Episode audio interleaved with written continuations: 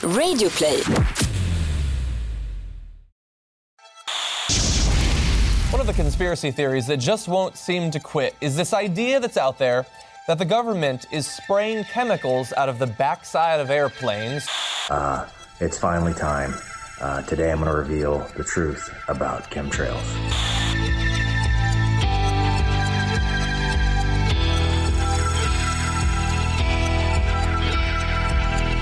Ni lyssnar på Konspirationsteorier, en podcast med Vivi och Aida. Och det här är en annan sida av historien om chemtrails, de förgiftade spåren efter flygplan.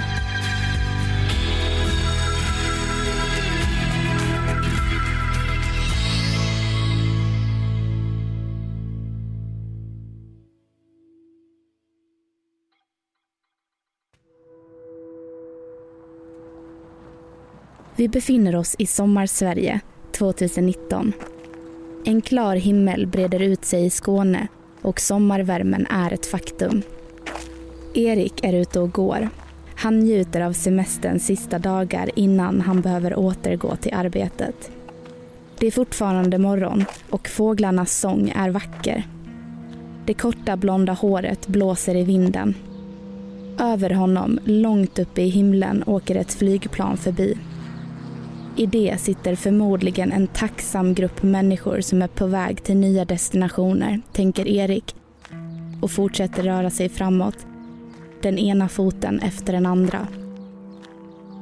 Kanske till Frankrike, Italien eller England. Han drömmer sig bort en aning och sekunder blir till minuter.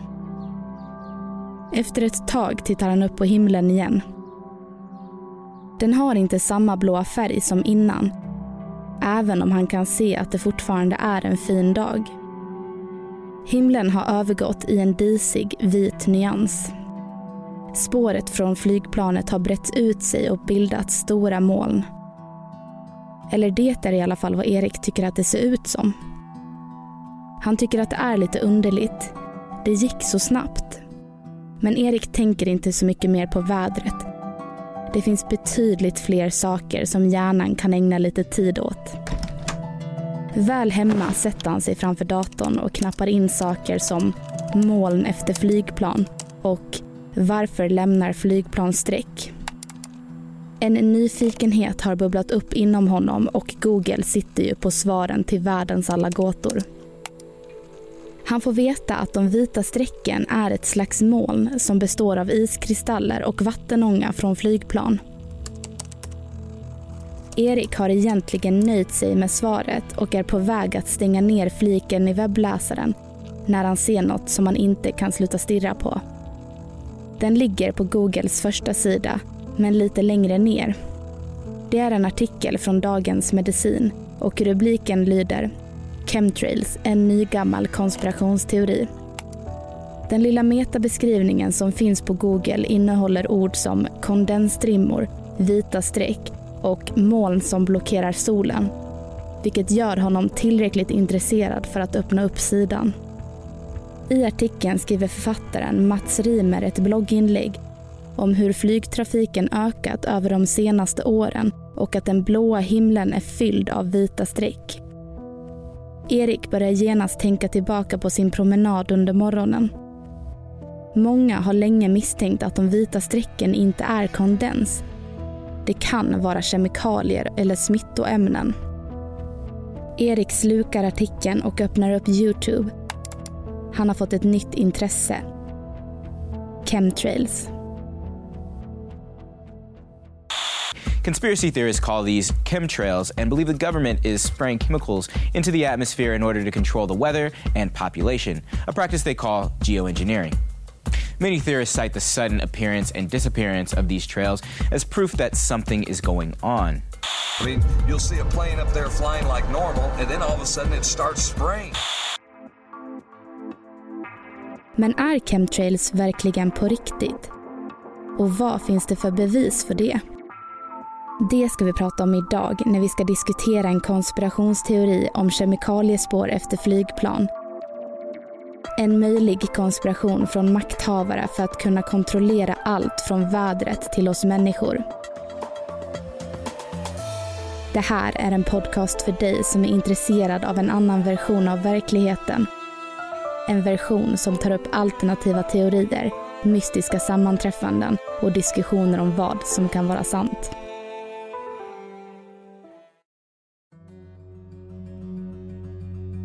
Det är helt omöjligt att styra en befolkning på en planet som jorden utan att hålla människornas medvetande under kontroll.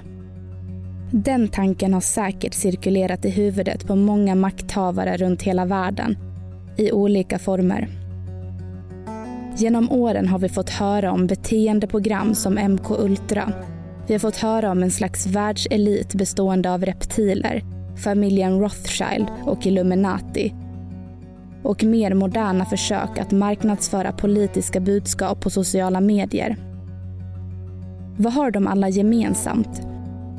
Jo, förutom att det är omtalade konspirationsteorier så har de också en likvärdig tro från allmänheten att makthavare vill kontrollera oss. Och det verkar som om de kan gå hur långt som helst för att göra det. Chemtrails är egentligen samma sak men för att kunna titta närmare på det måste vi givetvis börja från början. Flygplan började konstrueras för längre sedan än vad man kanske tror. Det finns ritningar och flygförsök från det islamska Spanien i slutet av 800-talet. Även Leonardo da Vinci har skissat på flygplansliknande konstruktioner runt år 1500 men de kom aldrig längre än ritbordet. Det första moderna, motordrivna flygplanet uppfanns i början på 1900-talet. Och flygplanen fortsatte att utvecklas under världskrigen. Människans vilja att flyga har fått flygplanens utveckling att fortsätta framåt. Vi kan ta oss fram fortare, över svår terräng transportera varor och besöka platser vi aldrig sett tidigare. Exakt varför flyget uppfanns är svårt att få fram konkret fakta på. Men några av de tidigare nämnda anledningarna räcker nog som motivation för många. Andra tror att det finns fler anledningar och några av dem kommer vi ta upp idag. Det finns så mycket mer historia om flygplanets utveckling under 1900-talet men vi går vidare och hoppar fram nästan 100 år. Från början av 1900-talet till slutet av 1900-talet. Närmare bestämt år 1996.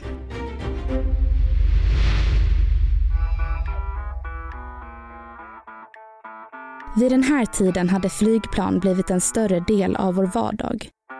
Och det var vanligt att besöka andra länder för att upptäcka världen. På himlen kunde man se flygplan susa förbi och man kunde också se de vita, mystiska spåren. Sedan de första flygplanen flög så har vita strimmor setts över himlen. Men vad är de egentligen? När människor började bli skeptiska så började anklagelser spridas på internetforum, främst i USA. Som svar på anklagelserna släppte USAs flygvapen en rapport om vädermodifiering där flygvapnet klandrades för att bespruta den amerikanska befolkningen med mystiska ämnen. År 1999 pratade även programledaren Art Bell om fenomenet, som här blev ett faktum. Chemtrails hade fötts och stod för orden chemical trail eller kemiskt spår på svenska. Simple physics tells us that the hot, humid air from jet exhaust condenses in the much colder air around it. This is similar to being able to see your breath on a really cold day. And if atmospheric conditions are just right, they can linger for an hour or more and sometimes spread out across the sky. Den officiella förklaringen till de vita spåren på himlen var kondensstrimmor och dessa bildas när vatten i flygplanets varma avgaser kyls ned av den kalla luften som då bildar ispartiklar.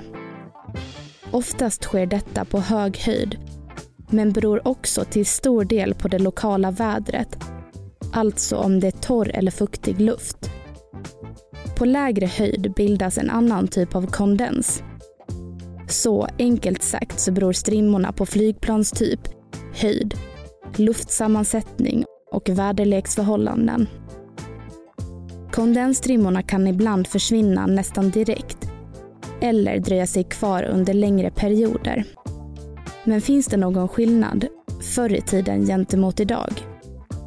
Ja, vissa konspirationsteoretiker menar att kondensstrimmor idag syns längre på himlen än vad de gjorde på 60 och 70-talet. Experter har envist hävdat att det beror på att lufttrafiken har ökat betydligt. Vi har högre utsläpp, mer avancerade flygplan och förändrade väderleksförhållanden i och med bland annat växthuseffekten och många fler argument. Many people confuse chemtrails with the normal jet contrails. The difference is that the uh, normal jet contrails actually dissipate within minutes, while the heavy metals in the chemtrails cause those trails to persist for hours. Däremot menar konspirationsteoretiker att det faktiskt finns en synlig skillnad. De vita spåren som försvinner snabbt på himlen kallas för contrails eller kondensspår. De vita spåren som inte försvinner direkt kallas för chemtrails eller kemikaliespår. Och båda spår kan synas efter flygplanen som flyger över samma stad. Så väderförhållanden bör inte vara ett argument, menar många konspirationsteoretiker. Skillnaden är att contrails inte är en del av den misstänkta konspirationen.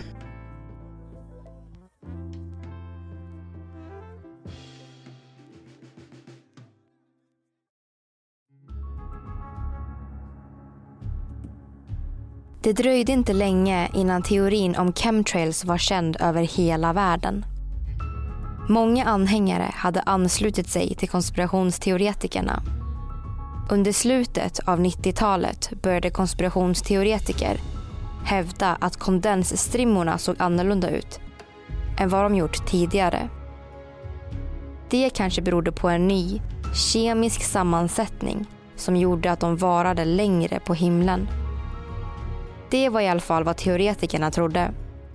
Det verkade faktiskt som att kondensstrimmorna smälte ihop och bildade stora moln. Och inte nog med det.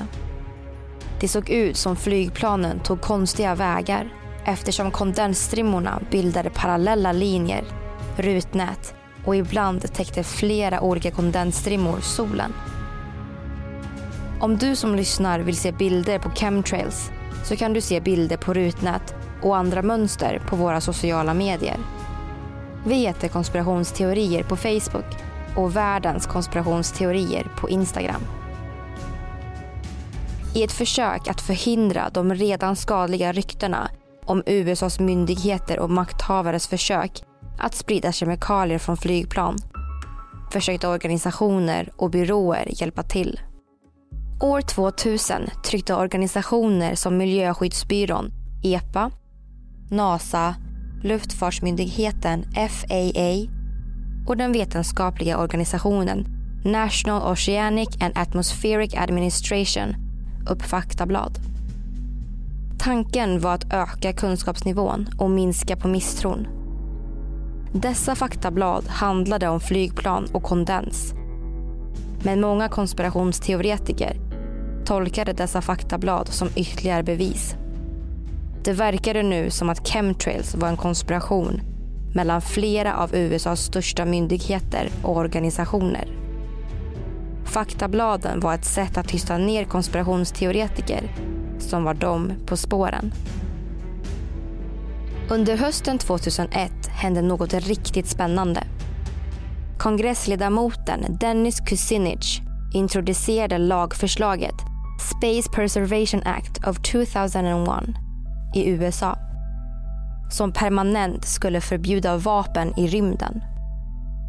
Det som gjorde att många konspirationsteoretiker tappade hakan var att i listan med vapen stod bland annat utomjordiska vapen, tankekontroll, miljöklimat eller tektoniska vapen och chemtrails. Lagförslaget skrevs om flera gånger men dog till slut i kongressen och röstades aldrig igenom. och det blev ingen sån rymdlag. Men kunde det här vara det första riktiga beviset för att chemtrails fanns? Varför skrevs annars ner som ett vapen som inte fick användas i rymden?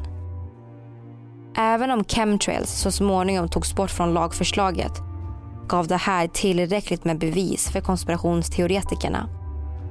Att chemtrails inledningsvis fanns med som ett vapen på listan måste betyda något. Det var det första erkännandet från makthavare. Flera år gick och chemtrails fick fler anhängare. År 2007 undersökte man chemtrails och vid en mätning av luften påstås det att luften ska ha innehållit osäkra nivåer av ämnet barium. Hela tre gånger högre än USAs rekommenderade gräns. Hur kunde det finnas så höga nivåer? Men om det var sant eller inte vet vi inte. Här hör vi artisten Prince i en intervju från 2009 om hans reflektion kring chemtrails. You know, when I was a kid I used to see these trails in the sky all the time and so oh that's cool. A jet just went over. And then you started to see a whole bunch of them. And next thing you know, everybody in your neighborhood was fighting and arguing and you didn't know why. Okay? And and you really didn't know why. I mean, everybody was fighting. So he he started riffing about the chemtrails. Idag är Prince död. Och även om det i sig är en annan konspirationsteori så tror flera konspirationsteoretiker att han blev mördad på grund av att han var så öppen om sin tro på chemtrails. Men det får vi ta i ett annat avsnitt. Kanske var det vid den här tiden som internet och konspirationsteoretiker fick upp ögonen på riktigt om vad chemtrails var för något och vilken påverkan det kunde ha. Men det var även en ögonöppnare för konspirationsteoretiker. Nu visste de hur långt USAs makthavare kunde gå för att tysta dem som trodde på chemtrails. De kanske hade mördat Prince. Även andra kändisar som Chuck Norris har varit inne på området och Kylie Jenner har twittrat om frågorna. Här hör vi delar av Kylie Jenners tweet. Now, Kylie is not known for trying to make political points or putting conspiracy theories out there. However, she did post a picture on Twitter with, that said the following. Let's take a quick look at it. She said, Is something being exterminated here? Is that something me?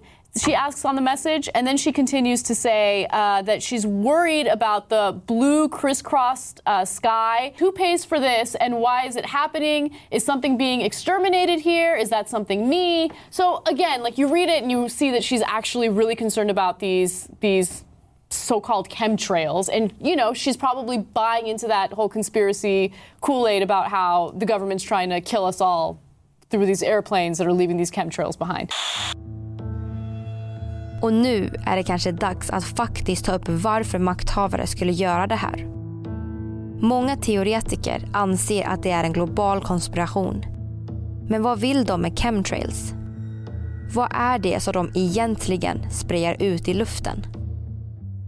Många tror att chemtrails har olika mål.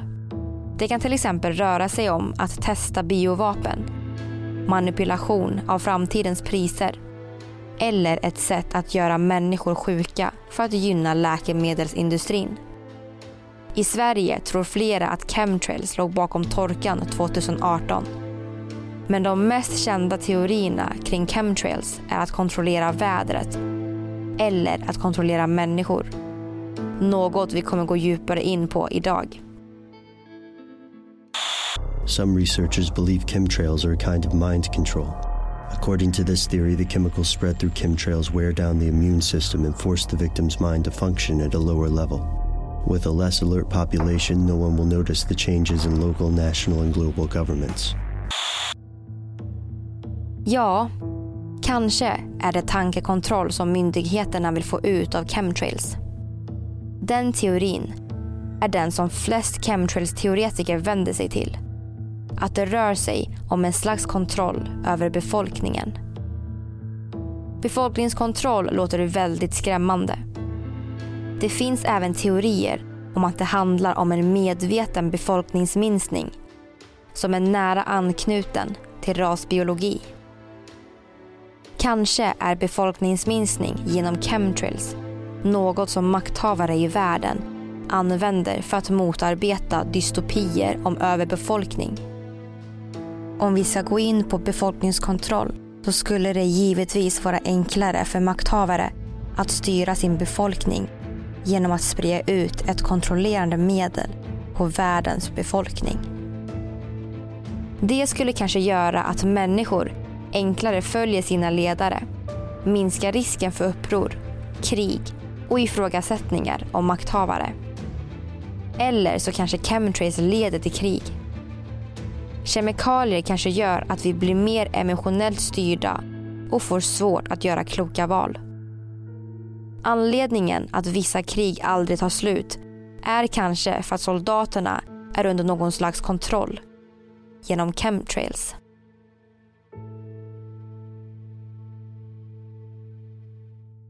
The late Dr. Isla Perlinguera. She published groundbreaking information in May 2010 about the dangers of chemtrails. We've known for decades that heavy metals and chemicals can cause serious physical harm, but did you know it's causing emotional dysregulation, outbursts of emotion, and an incapacity to control behavioral explosions, irritability, rage, and anxiety?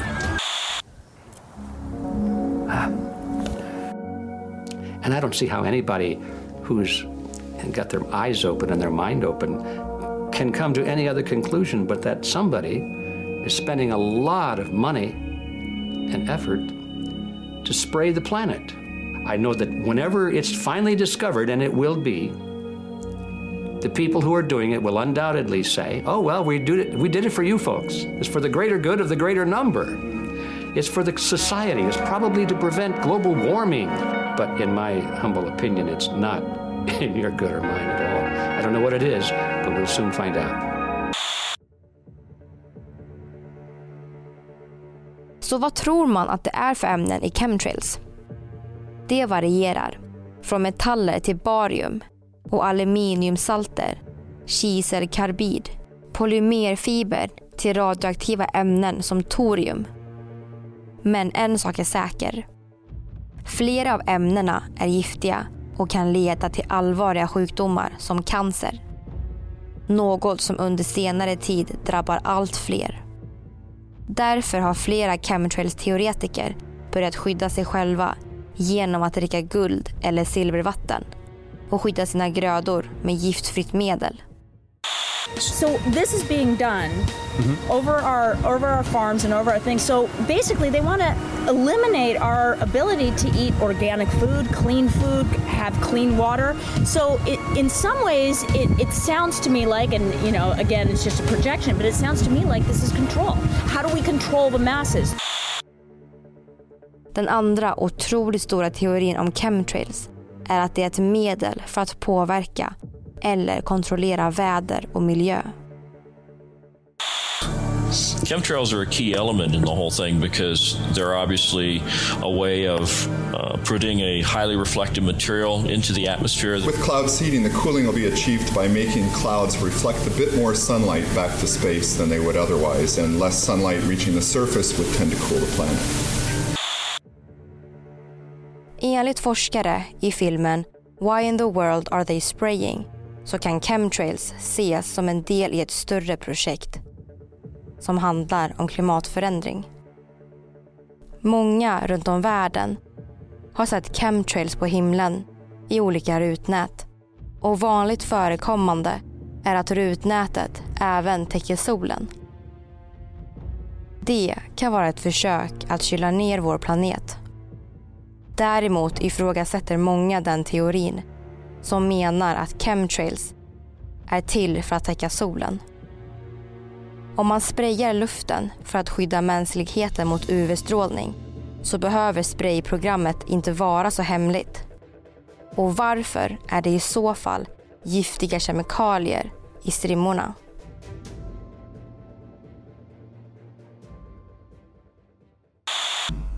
he said at one point that, that HARP has the ability to, to put a, a, a, a uh, energetic shield around the planet.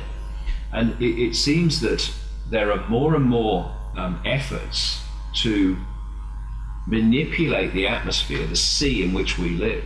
As I've said many times, if you want to affect all the fish, what you do, you affect the sea. I videon hör vi David Ike som pratar om hur projektet HARP påverkar oss människor. I artikeln Chemtrails i vems intresse, del 2, skriver Pia Hellertz om HARP och deras potentiella koppling till chemtrails. Det finns nämligen teorier om att HARP, eller High Frequency Active Auroral Research Program som det i själva verket heter, använder chemtrails för attacker. HARP grundades av staten i USA och är en forskningsanläggning som bland annat studerar vädret i jonosfären. Det vill säga de översta delarna av atmosfären. På anläggningen, som idag ägs av University of Alaska Fairbanks, kan man sända starka radiosignaler för att undersöka hur signalerna och jonosfären påverkar varandra. Bland annat så sökte HARP efter förbättringar inom GPS, kommunikation och annat som kan störas av jonosfären.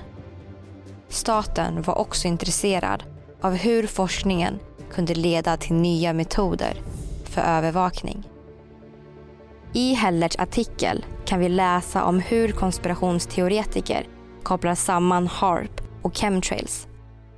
De menar att metallpartiklar som chemtrails sprider ut i atmosfären kan leda energi vilket gör att HARP kan sikta in sin strålning på specifika mål. Exempelvis så kan HARP ha legat bakom naturkatastrofer som jordbävningar, orkaner, översvämningar, tsunamis men även attacker mot flygplan och mycket mer.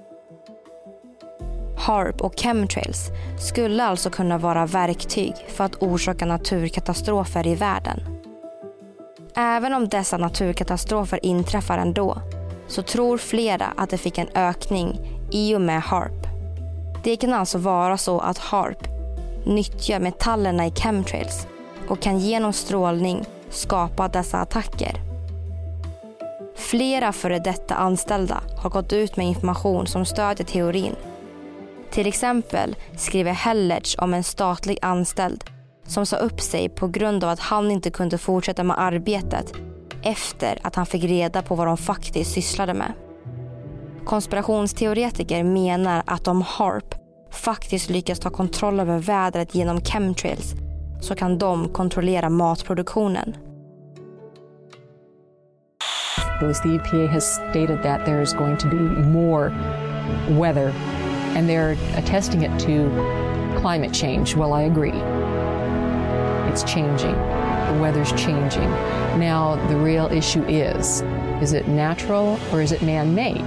And if it's man made, who's doing it?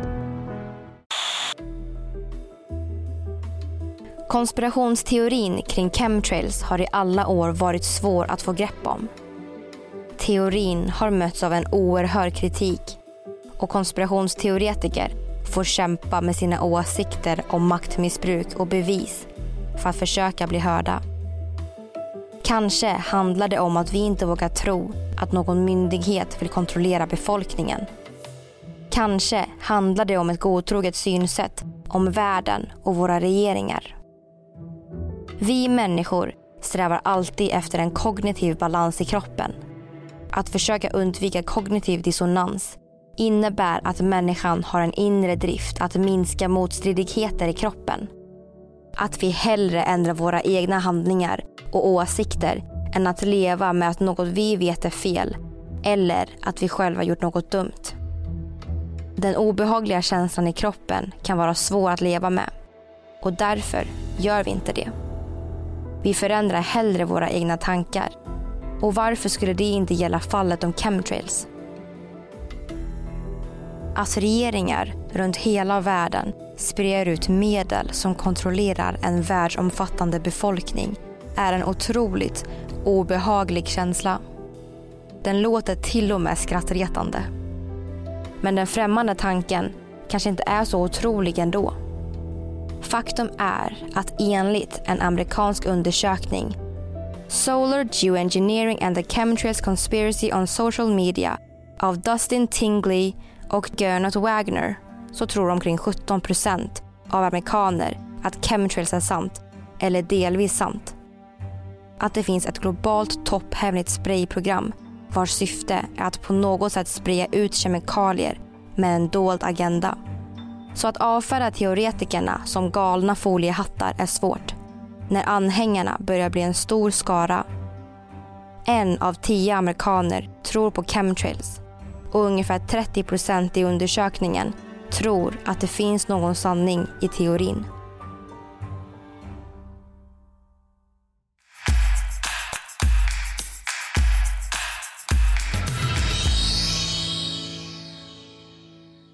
Hej hej allihopa! Hallå! Som ni märkte förra gången så hade vi ju då ett avsnitt där vi valde att inte ha diskussion. För vi hade inte så mycket att säga om just det här med CIA och hiv och ja, men ifall det var skapat av dem och så vidare. Mm. Och vi tänkte även att ja, men varför inte testa och ha ett avsnitt utan diskussion och se vad som händer. Eh, Ja, och vi ville väl egentligen också se era reaktioner. Ifall ni vill ha en podd med diskussion eller ifall ni tycker att det blir bra med bara faktadel också. Så um, ni kan väl egentligen skriva vad ni föredrar så, så ser vi vad vi kan göra med det. Precis, och vi kan ju annonsera att vi ska göra en säsong tre. Yes. Så det ska bli roligt. Men vi pratar mer om det snart.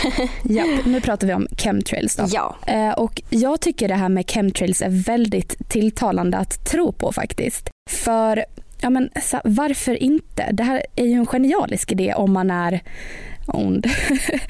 Eh, för vi vet redan om att ja, men USA har försökt kontrollera tankar och försökt så här, kontrollera sin befolkning. Och där kan man ju ta MK Ultra som exempel. Så varför skulle man inte testa att sprida ut ämnen genom flygplan? Det är ju så här fantastiskt om man vill kontrollera världen.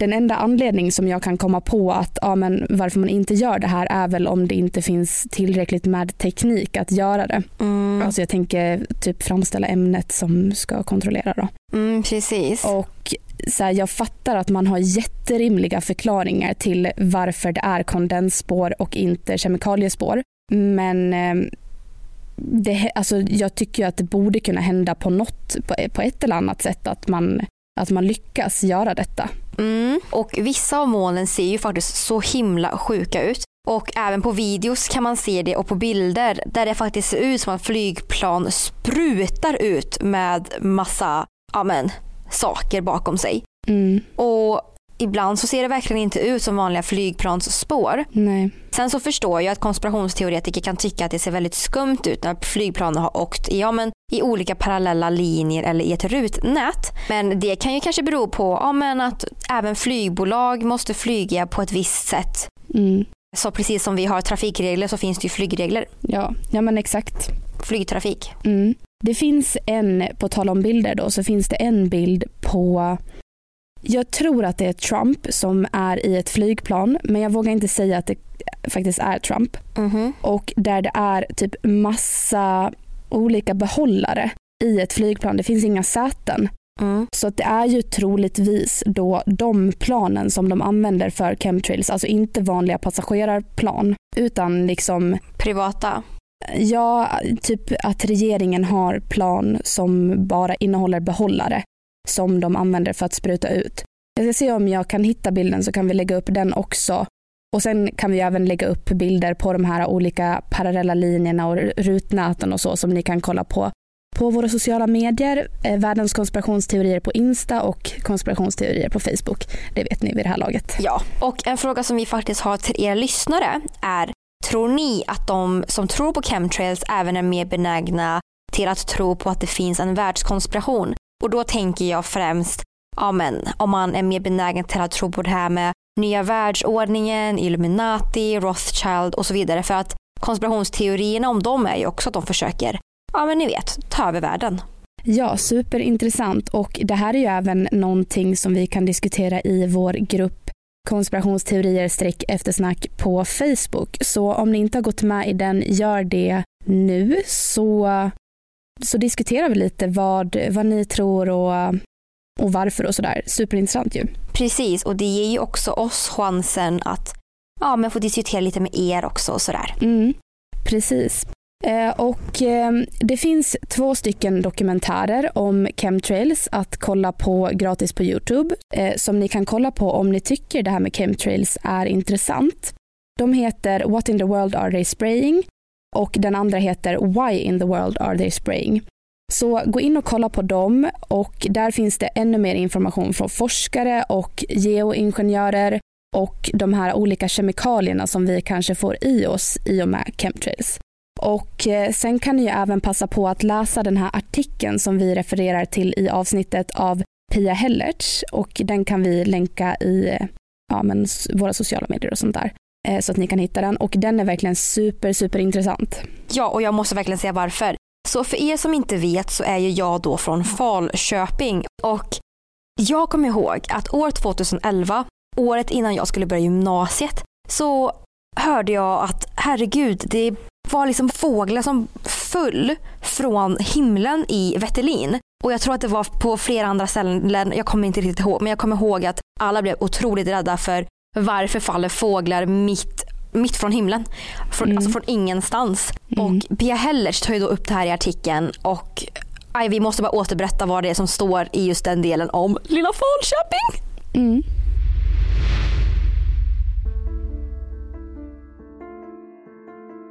Under början av januari år 2011 hittades flera döda fåglar på marken i Falköping.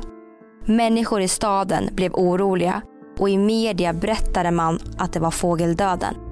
En smitta. Fåglarna obducerades och man försökte hitta en anledning till händelserna. Hur kunde omkring 70 fåglar bara falla till marken och dö? Eftersom det var i början av januari, den fjärde för att vara exakt, så funderade man om det berodde på nyårssmällar. Kanske blev fåglarna skrämda till döds. Andra övervägde om fåglarna blev överkörda av en lastbil. Att de var trötta och helt enkelt inte hann flyga iväg från marken innan lastbilen körde över dem. Men ingenting verkade stämma överens. Varför dog fåglarna just denna nyår? Om det handlade om nyårssmällar? Varför hade inte det inträffat tidigare?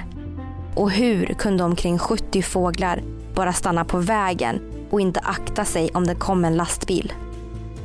Fåglarna visade tecken på tydliga och kraftiga inre blödningar men inga tecken på att ha dött av yttre trauma. På Expressen kan man se en bild från den 5 januari 2011 i Louisiana i USA. Bilden föreställer en väg med flera döda fåglar. Det var alltså dagen efter Falköpingsborna möttes av döda fåglar på marken som hände den 4 januari. Den 6 januari la Aftonbladet upp en snarlik bild, men som är tagen på en väg i Falköping. Kunde fåglarna ha drabbats av en energivåg? På internet finns teorier om den konstiga fågeldöden som handlar om HARP. Pia Hellertz skriver att på en blogg så berättar en anonym mjukvaruingenjör med erfarenhet inom hemliga militära projekt att HARP har en roll i att djuren dött både i Sverige och USA. På grund av att chemtrails innehåller tungmetaller så dog fåglarna när HARP sände ut sina frekvenser. Metallen blev då varm runt deras organ och fåglarna dog. Vi har inte fått någon bättre förklaring till mysteriet. Så kanske är det som mjukvaruingenjören sa. Kanske berodde fågeldöden i Falköping i Sverige och Louisiana i USA på chemtrails och HARP. Ja, gud vad ironiskt att du gör en podd om konspirationsteorier och sen så händer sånt här i Falköping. Precis, och det hände ju även innan så att kanske var ett tecken att jag skulle göra konspirationsteorier med dig. Ja, det var det. Men ja, det här är ju då väldigt skumt och åh om det är några som lyssnar från Falköping kan inte ni skriva och bara Ja men så här, vad ni kommer ihåg om det här för jag kommer ihåg det här så tydligt. Ja. Min tanke var så här, herregud, för ni kommer väl ihåg att år 2012 så var det ju det här med att ja, men man förutspådde att jorden skulle gå under år 2012 och du vet filmen om 2012 gjordes och allt det här. Mm, mm. Att jorden skulle gå under. Och jag kommer bara ihåg att jag bara, herregud, fåglar dör. Um, någonting händer, jorden kommer att gå under typ. Vi dör snart. jag var ju bara eh, typ 14 då men ja, jag kommer ihåg det så tydligt. Men hur som helst, det här då är ju då tyvärr vårt sista avsnitt på ett tag. Men ni kan då vara lugna för precis som jag sa nu i början av diskussionen så kommer vi att ha en till säsong. Och det ska bli jätteroligt. Och vi kommer att ha en paus nu för att kunna, ja men ni vet, redigera ihop det, göra research och sådär inför den här säsongen då. Mm. Och för att den här säsongen ska bli så bra som möjligt så vill vi nu att ni nu tänker på er favoritkonspirationsteori som ni vill att vi ska prata om. Och ja, ni kan ju lägga det i en kommentar där ni lyssnar på oss och där ni kan kommentera. Jag lyssnar ju på poddar på podcaster så där hade jag ju skrivit en kommentar. Mm. Men, ja, men på Radio Plays app eller vad som helst. Mm. Och till er som skriver till oss på Instagram, på DM eller på Facebook. Vi blir jätte, jätteglada av alla era kommentarer och meddelanden. Det är jätteroligt. Um, men det problematiska blir ju då att när ni skriver vad ni önskar vi ska prata om det blir svårt att hålla koll på det. Även om vi har listor och skriver ner det så är det inte alltid vi kommer ihåg att skriva ner dem. Och för oss är det väldigt svårt att gå tillbaka till, men vem var det som sa, som tipsade om den här konspirationsteorin eller så ibland kan det hända att vi missar. Eh, så mm. ifall ni verkligen har önskningar så är det väldigt nice om ni skulle kunna skriva det någonstans där vi, men där ni lyssnar på podden, där vi kan se mm. i recensioner och sådär. Exakt. Ja, eller så skriver ni bara en påminnelse till oss någonstans. Japp. Men ja, det här har ju varit en så, så rolig säsong att göra tycker jag. Alltså så spännande teorier. Men eh, vilken är din favorit hittills Vivi? Oh, min hittills måste nog vara tidsresenärer. Och det är främst för att det finns så himla roliga ja, men berättelser om tidsresenärer. Och det, jag tycker om den tanken att det kanske finns folk från framtiden eller att vi kan resa framåt i tiden och sådär. Jag tycker det är väldigt roligt. Mm. Du då? Jag tror att min får bli Estonia faktiskt. För att eh, det var så intressant att läsa om en svensk konspirationsteori. Mm. Faktiskt. Ja, men för att avsluta lite nu då. Så eh, vi hörs igen det här året. Men fram tills dess så hörs vi på Insta och på Facebook. Och framförallt då den här gruppen, eftersnackgruppen, där vi fortsätter att diskutera konspirationsteorier nu då. Ja, så vi hörs någon gång i år hörni. Så håll koll! Ja, och vi annonsar ju såklart när vi kommer tillbaka så att ni har koll på det. Ja, men ni får ha det så gött tills dess. Ja, hej då!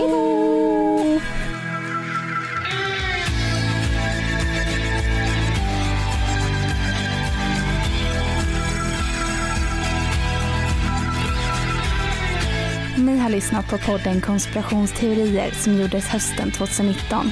Källorna till dagens avsnitt finns på Facebook. Vi som har gjort programmet heter Vivian Lee och Aida Engvall.